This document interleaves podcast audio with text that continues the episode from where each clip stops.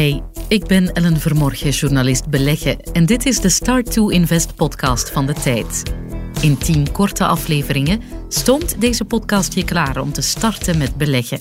Dit is aflevering 9. Wanneer word ik nu rijk?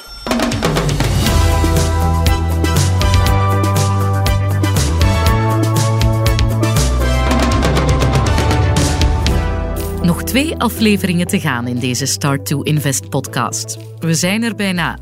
Tof dat je er nog altijd bij bent. Zullen we eens een quote van iemand bekend in deze aflevering gooien?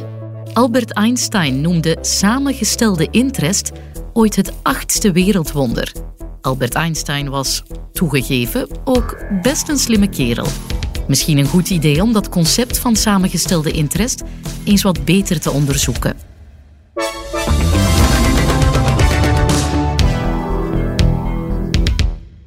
Ver verleden, toen spaarboekjes nog geld opbrachten en de opwarming van de aarde nog tot anderhalve graad Celsius beperkt kon worden, zal iemand, misschien een leerkracht, een onkel of een tante die voor de bank werkt, je gezegd hebben dat je best zo vroeg mogelijk begint met sparen en beleggen. Maar weet je eigenlijk waarom ze dat zeggen? Uh... Geen paniek. Het heeft alles te maken met die samengestelde interest van in de intro. Hoe vroeger je begint met sparen, of in ons geval natuurlijk beleggen, hoe langer die de tijd heeft om zijn werk te doen. Samengestelde interest is rente op rente. De rente die je krijgt brengt dus ook weer rente op als je ze laat staan. Even een voorbeeld. Stel je belegt 10.000 euro. In jaar 1 behaal je 5% rendement. Jij, je hebt nu 10.500 euro. Je laat alles rustig staan en het volgende jaar haal je opnieuw een rendement van 5%.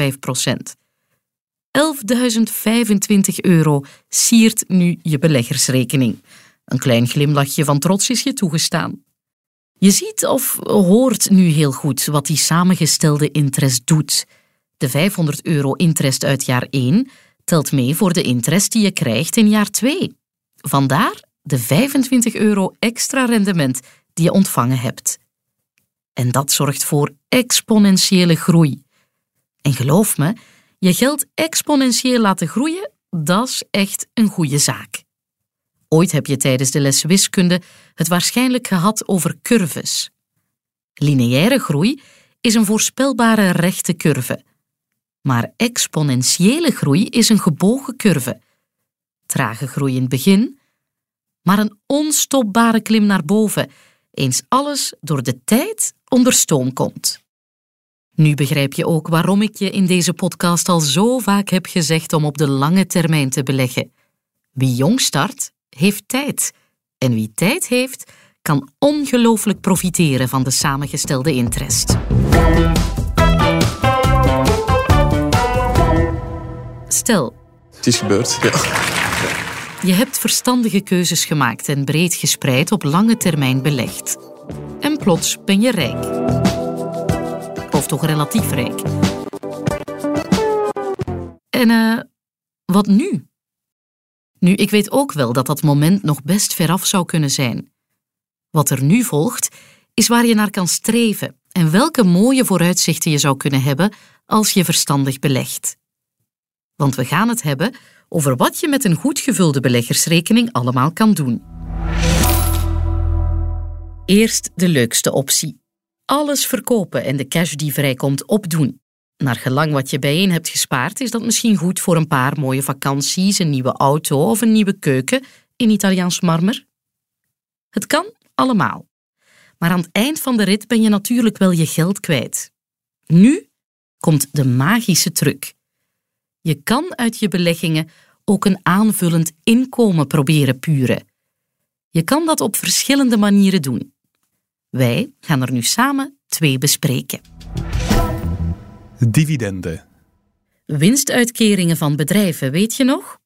Als alles goed verlopen is, heb je die tijdens de opbouw van je portefeuille geherinvesteerd en hebben ze mooi bijgedragen aan de groei van je vermogen. Nu dat vermogen opgebouwd is, kunnen die dividenden je ook een inkomen opleveren. Misschien heb je al heel wat dividendaandelen in portefeuille. Een optie is dan om die dividenden niet meer te herinvesteren, maar te beschouwen als inkomen. Na 30% roerende voorheffing wel, remember? Waar je ook naar kan kijken is je portefeuille herschikken om meer dividendaandelen te bevatten. Zo zijn er bijvoorbeeld fondsen en trekkers die zich daarop focussen. Die krijgen vaak klinkende namen als dividendaristocraten. Very the top 1%, n'est-ce pas? Dividendaristocraten zijn bedrijven die aan bepaalde criteria moeten voldoen. Een groot bedrijf zijn dat al lang bestaat, bijvoorbeeld, en vooral gedurende een ononderbroken periode, meestal meer dan 25 jaar, elk jaar een stijgend dividend uitkeren. Elk jaar een stijgend dividend krijgen, dat klinkt als een goede basis om een inkomen op uit te bouwen, niet? Maar het kan ook anders.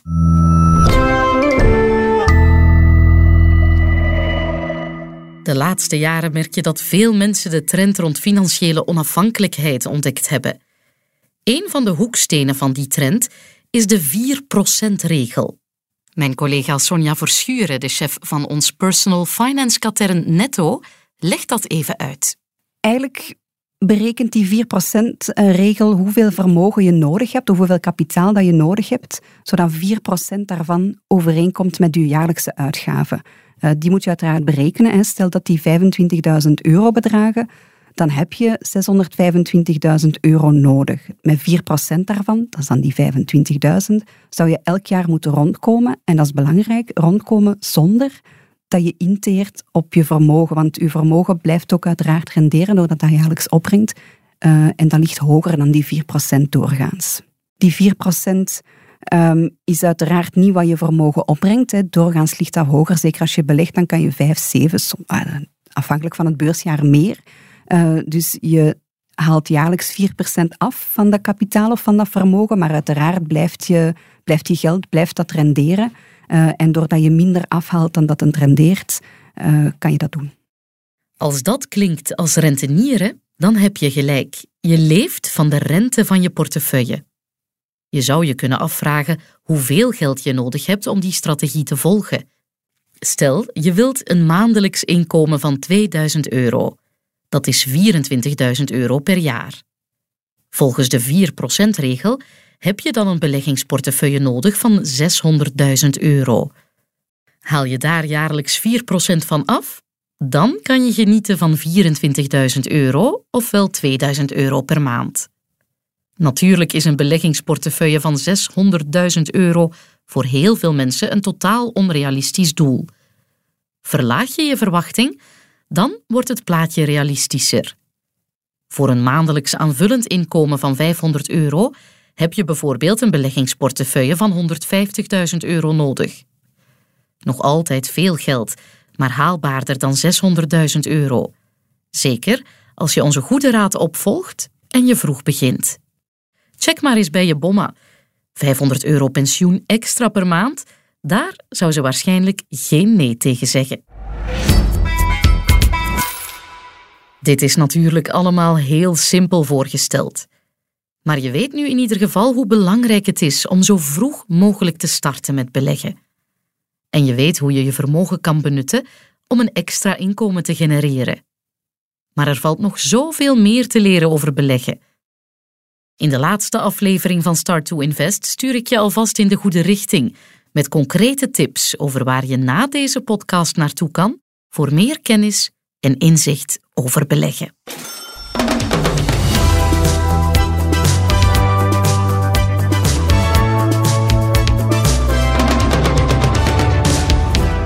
Bedankt om te luisteren naar deze Start to Invest podcast van de tijd.